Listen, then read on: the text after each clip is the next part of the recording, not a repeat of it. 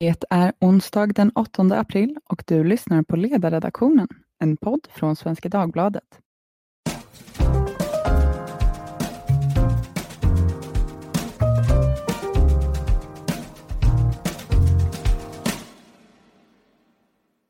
Jag heter Katarina Karkiainen och idag ska vi tala om regeringens förslag om att ge sig mer makt under den pågående epidemin. Innan vi drar igång ska jag berätta om vårt påskerbjudande. Nu kan du läsa SvD digitalt kostnadsfritt i tre månader. Därefter kostar det 199 kronor i månaden och du kan naturligtvis avsluta prenumerationen när du vill. Om du vill ta del av det här erbjudandet så går du in på svd.se podd. Men nu ska vi tala om regeringens förslag om kraftigt utökade maktbefogenheter och möjlighet att ta beslut utan riksdagens godkännande för att bekämpa coronasmittan. Vad innebär det här? Får regeringen all makt nu? Vad händer då? Och vad säger riksdagen och oppositionen om det här? Det ska vi försöka reda ut idag och till min hjälp så har jag tre eminenta gäster. Jag säger välkommen till Christer Thelin, tidigare domare och statssekreterare under regeringen Bildt. Välkommen! Tackar! Välkommen också Erik Lackoma, ekonomidoktor och forskare vid Handelshögskolan i Stockholm. Tack så mycket! Och Caspian Rebinder, arbetsmarknadsansvarig vid tankesmedjan Timbro. Välkommen! Tack så mycket! Först och främst så får den som känner sig hugad gärna förklara.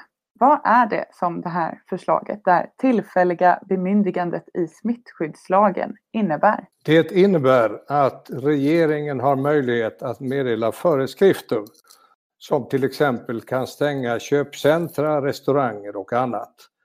Och det är en eh, åtgärd som enligt min mening är helt onödig för den rätten hade regeringen redan enligt smittskyddslagen i dess nuvarande lydelse. Så vad denna omgång gör är enbart att fördröja de nödvändiga besluten. För det är så att det här, om det nu går igenom riksdagen, vilket allt tyder på, kommer att träda kraft den 18 april och därefter, gärna samma dag, kan då regeringen meddela de här föreskrifterna. Men de här föreskrifterna hade alltså enligt min mening kunnat meddelas redan för eh, så länge regeringen hade önskat tillbaks i tiden. Och skälet till eh, att man har gjort så här, det tror jag hänger samman med att man har varit osäker på huruvida vissa förarbetsuttalanden till två paragrafer i eh, smittskyddslagen, 9.4 och 9.6, egentligen hindrar det här. Eh, nervösa tjänstemän i eh, regeringskansliet, på socialdepartementet, justitiedepartementet har då inte vågat låta regeringen fatta beslutet utan att man först förtydligar smittskyddslagen i det här hänseendet. Så att man kan säga att i ljuset av den här tvekan så har man åstadkommit ett förtydligande utav bestämmelser som redan finns. Så det är inget särskilt dramatiskt och det är inte heller något i likhet med Ungern att nu regeringen ska börja regera med dekret eller att det är undantagstillstånd utan detta är bara en tillämpning av smittskyddslagen sådan den är tänkt att fungera. Vad säger ni andra? Håller ni med om att det här inte är en större sak eller tycker ni att det innebär en maktförskjutning till regeringen? Det här innebär naturligtvis en maktförskjutning. Det här är eh, alla, i princip alla utom Christer Thelin överens om. Också regeringen är tydlig med att de behöver ett ytterligare bemyndigande. Samtliga oppositionspartier, lagrådet, alla remissinstanser menar att det här innebär en förflyttning av makt. Eh, lagrådet säger till och med att regeringen tilldelas maktbefogenheter som framstår som synnerligen ingripande. Eh, även eh, JO och Advokatsamfundet använder liknande begrepp och eh, beskriver det här som en ganska långtgående förskjutning av normgivning. Eh, och det behöver inte vara fel i krissituationer. Det är klart att en regering behöver ha mandat att genomföra ganska långtgående åtgärder i akuta situationer och i, i allvarliga krislägen så som vi befinner oss eh, nu. Eh, det har dessutom skett betydande mildringar i propositionen nu jämfört med det första utkastet till lagrådsremiss, vilket är väldigt bra.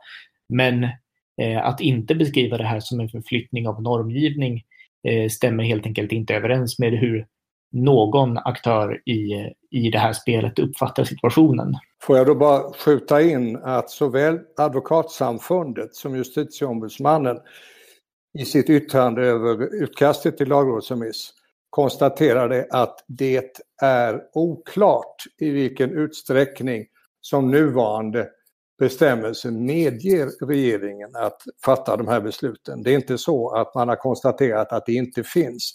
Det saknas helt enkelt en analys i den här delen. Och då kan man antingen falla tillbaka och säga det att lagtexten är det som gäller och den är klar och otvetydig. Föreskriftsrätten finns. Det tror jag inte Caspian kan, kan förneka att det finns ett bemyndigande. Vad vi diskuterar är hur vitt sträckt detta bemyndigande är och det kan man då diskutera. Och då har regeringen valt med instämmande av de flesta remissinstanser att säga att nej, det här är inte tillräckligt, alltså måste vi utvidga det. Men det är inget dramatiskt steg, det är en gradskillnad snarare än en artskillnad i så fall. Man ska väl komma ihåg att det här bemyndigandet som regeringen har begärt inte enbart rör saker som säga, i direkt mening är smittskyddsåtgärder utan även möjlighet till exempel att disponera egendom. Och det gör ju att det finns två komponenter här. Och läser man smittskyddslagen så jag håller nog med Christer Thelin att den ger väldigt långtgående befogenheter när det gäller smittskydd. Sen kan man då diskutera om alla de här åtgärderna som regeringen vill kunna vidta med hjälp av, utav det här bemyndigandet är smittskyddsåtgärder. Så att det är egentligen två faktorer där. Sen finns det ju en sak till här som man ska diskutera, det är när det här är tänkt att användas. Och där är ju så att säga, regeringen fortfarande eh, de har inte svarat på den frågan. När, liksom, I vilket läge handlar det om att de här eh, befogenheterna ska användas? När man har själv medgett att det inte handlar om fara i dröjsmål eftersom förslagen ska remissbehandlas innan de läggs fram. Eh, och man vill även, som man säger, att de här ska i alla fall i efterhand kunna eh, upphävas utav, utav riksdagen. Eh, vilket de i och för sig kunde, för den rätten finns alltid enligt grundlagen. Men eh, det, det betyder också att när det är tänkt att man ska använda de här, då kan man tänka sig två situationer. Eh, dels i sånt man läser in som smittskyddslagen inte skulle täcka in, det vill säga sådana åtgärder som är så pass långt ifrån smittskydd att de inte på något rimligt sätt skulle sägas vara en smittskyddsåtgärd. Och det andra är åtgärder där man kan förvänta sig att riksdagen i efterhand skulle upphäva dem om de fick chansen eh, om de då inte hade ställts inför fait accompli.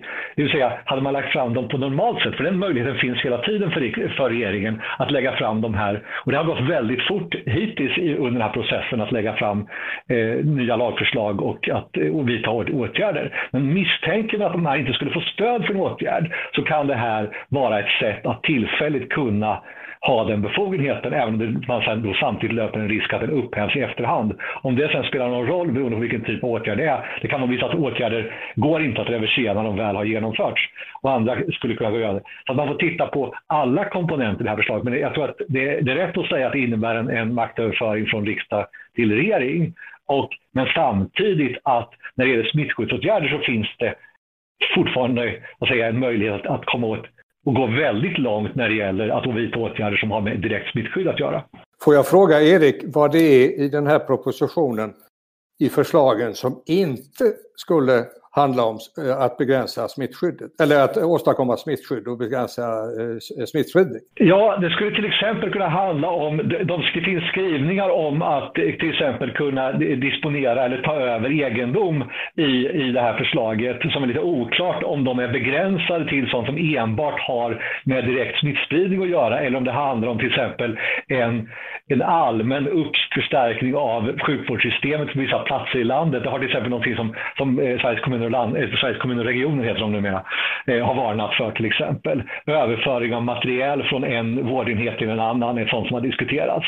Det, den typen av frågor är inte säkert att de skulle ska sägas vara smittskyddsåtgärder. Men då får, jag, då får jag nog erinra om vad 9 och 6 idag säger, nämligen att man har rätt att meddela föreskrifter för att upprätthålla ett effektivt smittskydd när det finns behov av samordnade nationella åtgärder. Och jag vill nog påstå att om man har bestämmelser som innebär att man ska ha en regional samordning under nationellt överinseende så är det exakt det som redan finns idag. Och det är naturligtvis i linje med att åstadkomma ett smittskydd och begränsa smittspridning. Vi ska släppa in Caspian också, både att kommentera det här som Erik säger om att eh, det det kan väcka frågor det här förslaget om vad som är regeringens intentioner. Sen vet jag ju också att du tillsammans med Karin som är VD på Tankesmedjan Timbro i en debattartikel och i ett remissvar till regeringen har uttryckt kritik till det här förslaget. Vad är problemet menar ni? Det är svårt att blunda för vad som, eh, som lagrådet beskriver att bemyndigandet sätter inga gränser för vilka åtgärder regeringen kan vidta som gäller skyldigheter för enskilda eller avser ingrepp i enskildas personliga eller ekonomiska förhållanden. Det är alltså en väldigt långtgående makt det här handlar om. Eh, och det är svårt att blunda, blunda för de principiella eh, aspekterna av det. En regering som har en makt utan begränsningar vad gäller enskildas personliga eller ekonomiska förhållanden är en risk. Det kan vara naturligtvis nödvändigt att ha ganska långtgående befogenheter i smittskyddssammanhang. Jag tycker att det är alldeles utmärkt att regeringen har begränsat det genom sina exempel eh, i, i det nya förslaget nu som de har lagt som proposition. Eh, men det här som det ursprungliga förslaget löd är det synnerligen ingripande. Och att då också ta fram det på det sätt man har gjort är oacceptabelt. Med en remisstid på 24 timmar där eh, otroligt viktiga remissinstanser inte har varit inbjudna. I praktiken så har många av de som är allra mest berörda av de här förslagen inte haft mer än några timmar på sig att skriva, skriva sina remissvar eller inkomma med synpunkter. Och eh, det är svårt att förstå varför det har blivit på det här sättet. Jag menar, hade regeringen påbörjat den här processen bara två veckor tidigare, till exempel, hade man kunnat ha en extremt snabb remisstid på tre dygn istället för en ännu mer extremt snabb remisstid på ett dygn. Man hade kunnat låta lagrådet titta på förslaget lite längre än en förmiddag. Man hade kunnat eh, skriva en konsekvensutredning och få med i lagrådsremissen och propositionen och ändå få lagen på plats tidigare än vad de kommer hinna göra nu. Att det här har skjutits upp och sen hastats igenom Eh, inger ganska stora betänkligheter. Det här är ett oseriöst sätt att ta fram ett så långtgående förslag. Ja, Lagrådet har ju tidigare kritiserat remisstid på tre dagar eh, eftersom det innebär ett otillfredsställande beredningsunderlag. Eh, och nu som sagt så har det varit avsevärt kortare remisstid, bara 24 timmar, även under en helg veckan innan påskhelgen. Och jag håller med dig i det du säger Caspian om att det finns saker i det här som framstår som anmärkningsvärt. Varför tror ni, varför har det gjorts på det här sättet? Låt mig bara påpeka att trots lagrådets betänkligheter så har de givit klartecken till förslaget. Och de har gjort det med ett eget författningsförslag som regeringen klokt nog har gjort till sitt eget i den proposition som nu ligger. Så det innebär att visst kan man som Caspian eh, och Erik gör kritisera den korta eh, beredningstiden. Eh, jag instämmer i den kritiken. Men i det här läget som är ett extraordinärt eh, nationellt eh, krisläge så kan man alltså försvara att åtgärderna är, sker under en viss brådska. Det som är intressant och som Caspian har varit inne på och jag tror också Erik är varför väljer man den här tidpunkten? Varför gör man det först nu? Och det beror ju på att vi i Sverige saknar eh, undantagstillståndslagstiftning. Hade vi haft i 15 kapitlet regeringsformen som talar om krig och krigsfara, hade vi där haft en bestämmelse som också hade reglerat allmänt nödläge så hade man kunnat trycka på en beredskapsknapp och utlöst behörighet som då en regering har i krig och krigsfara. Så nu improviserar man ifrån regeringens sida, men man gör det, vill jag erinra om, inom ramen för den hårda klubba som smittskyddslagen ändå är. Va? Och vi må gräla om huruvida behörighet enligt 9.4 och 9.6 enligt den lagen redan idag ger regeringen det som de nu strävar efter att få eller om det krävs något ytterligare. Men att det finns ett bemyndigande i smittskyddslagen, det kan vi i alla fall vara ense om. Att, att riksdagen alltså redan när man antog smittskyddslagen har avhänt sig eh, behörighet till regeringen. Det är högst medvetet gjort. Va? För att man kan säga att smittskyddsintresset är naturligtvis ett överordnat intresse. Och det är väl det som har gjort att lagrådet till slut inte har landat i att man skulle avstyrka förslaget sådant det låg. Utan man har försökt hjälpa till att förbättra det. Och det är också samma attityd som ju partiledarna tycks ha intagit. Nu vet vi ju inte vad som händer i utskottsbehandlingen huruvida den här samsynen som till synes råda nu består då eller om det kommer ytterligare argument ifrån, ifrån oppositionshåll att, att förbättra. För det finns ju naturligtvis, Erik var inne på den här frågan om, om ersättning eh, för förfogande och det, jag vill påstå att det går inte att dra parallell med förfogandelagen. Det är begränsningar i rätten att utöva sin egendom men det är lite annat än att rekvirera och expropriera egendom som förfogandelagen handlar om. Men visst kan man diskutera frågan om ersättning, det kan man göra. Men frågan är oppositionen, Moderaterna främst, vill göra detta som ett villkor för att släppa fram det. Jag tror inte det, men jag har ingen aning. Ja, alltså det finns, nu är Christer Thelin inne på, på en ganska viktig eh, fråga här. Det är att säga vad som är juridik och vad som är politik här. För att bara att lagrådet säger att det här är författningsenligt eh, betyder ju inte att det är politiskt bra eller att det skulle vara nödvändigt. Och det är väl också där som den här frågan landar egentligen. Därför att eh, Dels ska man diskutera den här processen och det har gjorts, eh, jag ska inte uppehålla mig mer med, med remisstidsfrågan här, men det man kan säga ur det politiska perspektivet är ju att när man har utrett de här frågorna, och den diskuteras ganska ingående inför antaget av 1974 års regeringsform, att man fann att regeringen i fredstid inte behövde och inte skulle ha den här typen av utav befogenheter. Nu är det här mindre ingripande än vad som man har föreslagit, till exempel i form av undantagstillstånd och liknande. Och eh, man kan väl även till och med se att 15 kapitlet som handlar om så att säga, krigstida befogenheter handlar om ett krigstida läge där det till exempel finns behov av att fatta väldigt snabba beslut, när, eller även i krigsfara, när det står så att säga, fiender i, i, beredda att vidta åtgärder och där det dessutom är så att en beredningsprocess eller att blanda in riksdagen skulle innebära att man talade om för fienden vad man tänkte göra, vilket inte fallet när det handlar om, om liksom ett virus som då inte kommer agera på ett annat sätt för att regeringen har talat om vad man har tänkt göra. Det är den ena delen. Det andra är att politiker använder Eh, och det var egentligen det som jag ville fästa mig vid, eh, som, som Christer sa, det är att politiker använder i praktiken alltid de möjligheter som står till buds.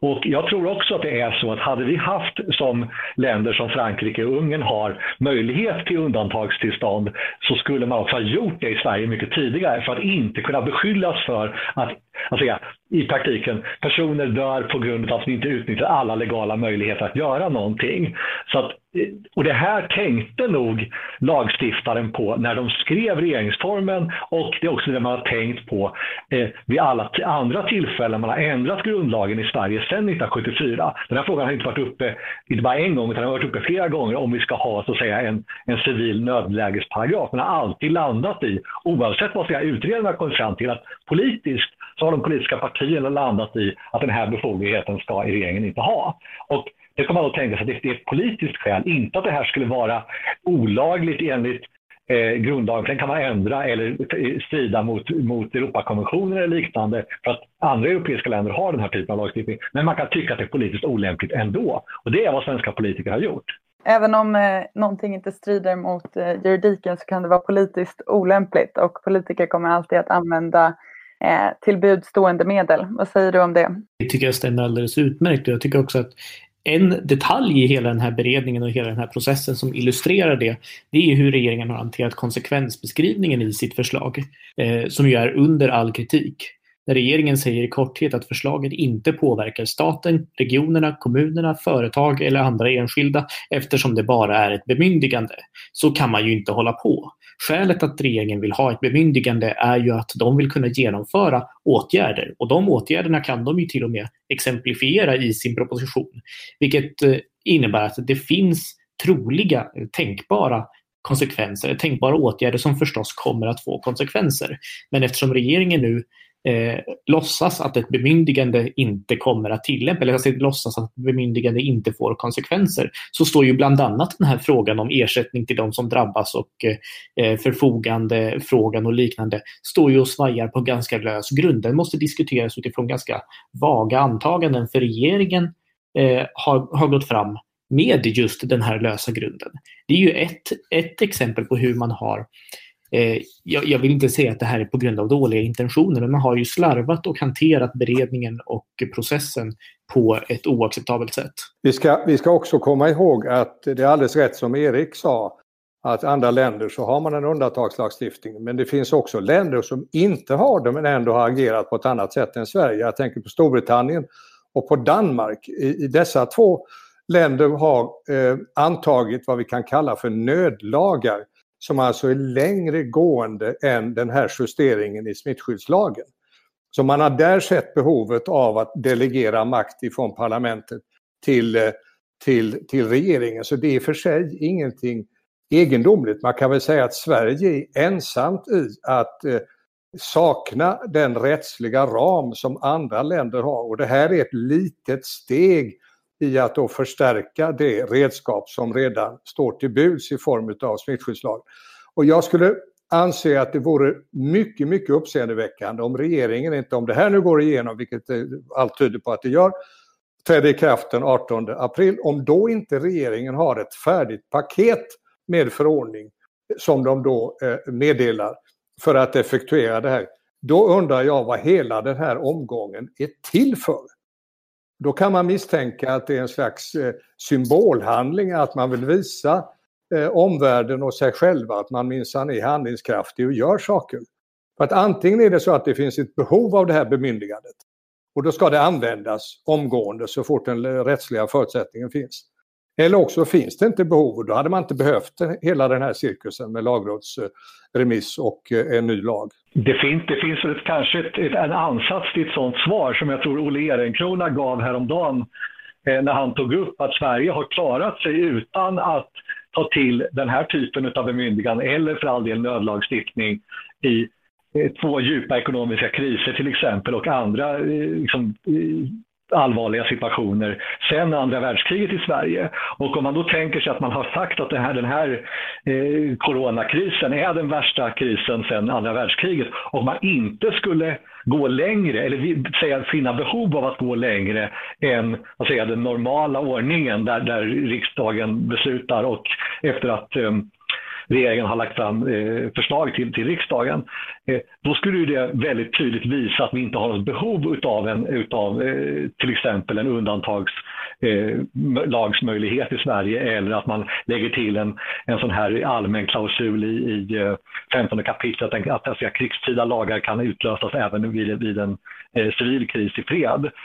Så att det skulle ju vara i praktiken ett, ett, väldigt definitivt stopp för de som skulle vilja ha den här typen av befogenheter. Och det skulle kunna vara ett motiv, alltså ett politiskt motiv att göra det här, det vet jag inte. Men om man landar i det som Christer säger här, att man kanske inte använder den här så med eh, så omfattande som, som man kan tänka sig. Man ser att det är så otroligt angeläget Eh, så kan det finnas den typen av motiv. För man kan också tänka sig att om det skulle vara så att man såg från regeringens sida ett väldigt stort behov av att vidta vissa åtgärder så skulle man ju innan Eh, den 18 april antingen kunna lägga fram dem ändå med hänvisning till till smittskyddslagen i de fall där det inte var stridigt att de faktiskt omfattades.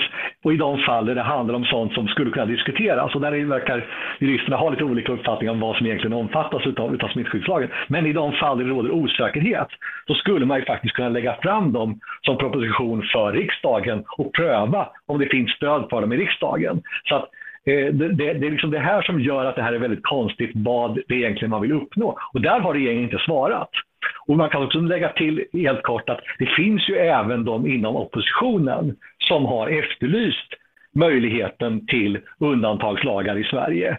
Och eh, som därför skulle kanske tycka att det var bra att man så att säga, prövar möjligheten att införa sådana nu när man har chansen. Så att, eh, tittar man politiskt på det här, inte bara partipolitiskt utan någon slags allmänpolitiskt från det politiska systemets sida, så finns det ju så att säga, skäl för att göra det här ändå, även om man skulle kunna få igenom precis allting som man skulle vilja göra via det här bemyndigandet på normalt sätt, antingen via smittskyddslagen eller via normala riksdagsbeslut. Jag vill också fråga er huruvida ni tycker att den här tidsbegränsningen verkar trovärdig. Eh, den här lagen ska vara giltig i tre månader. Man kan ju tänka sig att situationen med anledning av corona kommer att vara fortsatt svår då. Tror ni att den här lagen kommer att förlängas? Ja, det är ingen stor fråga. Alltså visar det sig att det finns behov av att förlänga den så är det en lätt teknisk sak att, att utsträcka den ytterligare sex månader, vad som kan vara lämpligt. Och det där har ju en fråga som ingen av oss vet. Va? Min gissning är att den kommer att behövas efter tre månader. Det här är inte slut. om tre månader. Jag har extremt svårt att tro att eh, regeringen inte kommer förlänga den här lagen. Och är det ett problem i så fall? Inte i sig nödvändigtvis. Att den här, om det här bemyndigandet behövs i smittskyddslagen, vilket man ju kan fortsätta diskutera förstås, men om det här bemyndigandet behövs för att bekämpa smitta så är det inte eh, konstigt att det får vara kvar en längre tid, kanske till och med permanent. Men att, smita, att få igenom vad som riskerar att bli permanenta förändringar och kalla dem till tillfälliga lagar så snyggt. Så jag hoppas att den här är tillfällig och så kortvarig som möjligt och att man sen gör en gedigen beredning och utredning kring vad finns det för behov av, eh, av bemyndiganden för smittskydd, bemyndigande för kristillstånd eller undantagstillstånd i fredstid eh, eller liknande och sen återkommer med permanenta lösningar som man kan eh, låta ha, ta tid också, både för remissrundor och för ordentlig utredning och för lagrådsyttrande och mycket annat. Nu ju, flyttas ju det ansvaret i väldigt hög grad till oppositionen, till pressen, till debattörer, till jurister som eh, måste hålla ordningen väldigt hårt på regeringen och se till att det här eh, följs upp, att det inte missbrukas, att det inte dras för långt. Men det blir särskilt viktigt nu eh, med en så pass svag beredning som det här förslaget har haft. Vi kan också utgå ifrån att eh, när det väl har bedarrat så kommer det att tillsättas en post-corona-kommission som kommer att genomlysa all hantering inklusive också det rättsliga ramverk som finns, huruvida det måste förbättras eller inte. Jag är glad att Erik påminde om att det har varit uppe flera gånger om vi skulle ändra 15 kapitlet eller inte och det föreslogs att så skulle ske 2008 i den grundlagsberedning som ledde fram till reformen i eh, regeringsformen 2010. Men det är alldeles sant att det förslaget gick inte igenom för man, på de skäl som Erik förde fram, så tvekade man politiskt att eh, gå fram. Jag skulle tro att det kan komma en omvärdering efter den här krisen i det hänseendet så att vi också får, enligt min mening, täppt till den lucka som jag anser finns i 15 kapitlet regeringsformen idag. Vi kommer alldeles strax behöva avrunda, men jag skulle vilja uppehålla mig lite grann vid eh, en sak som du var inne på, Caspian, eh, och som övriga har varit också, nämligen behovet av den här lagen. Eh, därför att man som utomstående betraktare så menar jag ändå att det ligger nära till hands att fråga sig, behövs detta? Eh, hittills har ändå oppositionen varit mycket medgörlig. Det framstår som att eh, arbetet i riksdagen har skett relativt snabbt och eh, smärtfritt. Vad är det för situationer som gör att den här lagen från regeringens sida behöver införas? Eh, är er bild. Vad är det för verksamheter som man skulle behöva stänga eller andra situationer som man skulle behöva åtgärda? Det är ju helt rätt fråga och jag önskar att regeringen hade ställt sig den och svarat på den i sin hantering av det här förslaget. Nu lägger de ju fram ett förslag utan att riktigt motivera varför de behöver det bemyndigandet, vilket eh, jag tycker är väldigt klandervärt. Vad säger Christer? Ja, jag tycker nog att man med det exempel som man då från början hade som man har tänkt bara att vara i förarbetena men som lagrådet klokt nog såg till att det blir en del av lagtexten så kan man väl lugnt påstå att man vet vad det är för åtgärder som man syftar till. Men huruvida tajmingen är den rätta eller inte, det är där vi då hamnar i de här diskussionerna som eh, i alla fall jag inte är kompetent att bedöma det så epidemiologiskt. Eh, huruvida vi ska sträva efter att åstadkomma flockimmunitet bland befolkningen på det sättet, bryta nacken utav, utav eh, denna eh, sjukdom eller om det finns andra åtgärder. Vi kan konstatera att vi hittills är ensamma nu i stort sett i hela världen med vår speciella mjuka linje om man så vill. Det här visar att regeringen har ansett att det finns behov av en uppstramning. Och jag är mycket förvånad eh, om det inte skulle tryckas på uppstramningsknappen för då har som jag sa tidigare hela det här varit en onödig omgång. Å andra sidan trycker man på knappen så kan man möjligen påstå att jaha, det kanske var för lite och för sent i alla fall. Ingen av oss vet. Det enda jag vet är att här i Frankrike där jag sitter ligger vi 10 dagar efter Italien. Men Frankrike ligger 14 dagar före Sverige. Det innebär att toppen i smittspridningen kommer att eh, komma till Sverige någon gång i skarven mellan april och maj. Och då är frågan, tänker regeringen trycka på knappen och se till att ha, ha, ha någonting på plats före dess? Efteråt så är det rimligen för sent. Erik, då får du sista ordet. Ja, alltså, regeringen har som sagt inte förklarat vad de ska använda det här. Det är högst oklart om den skulle, så att säga, det skulle finnas något behov inom citationstecken då utav den i något annat läge än där regeringen förväntar sig att om man skulle lägga fram förslaget för riksdagen att det då skulle bli nej till det. Så att det handlar i så fall, den säga, tänkbara tillämpningen är ett sådant läge där man har en regering som har stöd av mindre än en tredjedel utav, utav riksdagen vill få igenom beslut som det hade krävts majoritet för i ett annat läge. Det är väl ungefär det man kan se. Vad det handlar om vet vi inte, men vi kan se, vad säger utifrån texten, att de andra frågorna skulle kunna hanteras med eh, så att säga, nu gällande befogenheter eller genom en normal riksdagsprocess.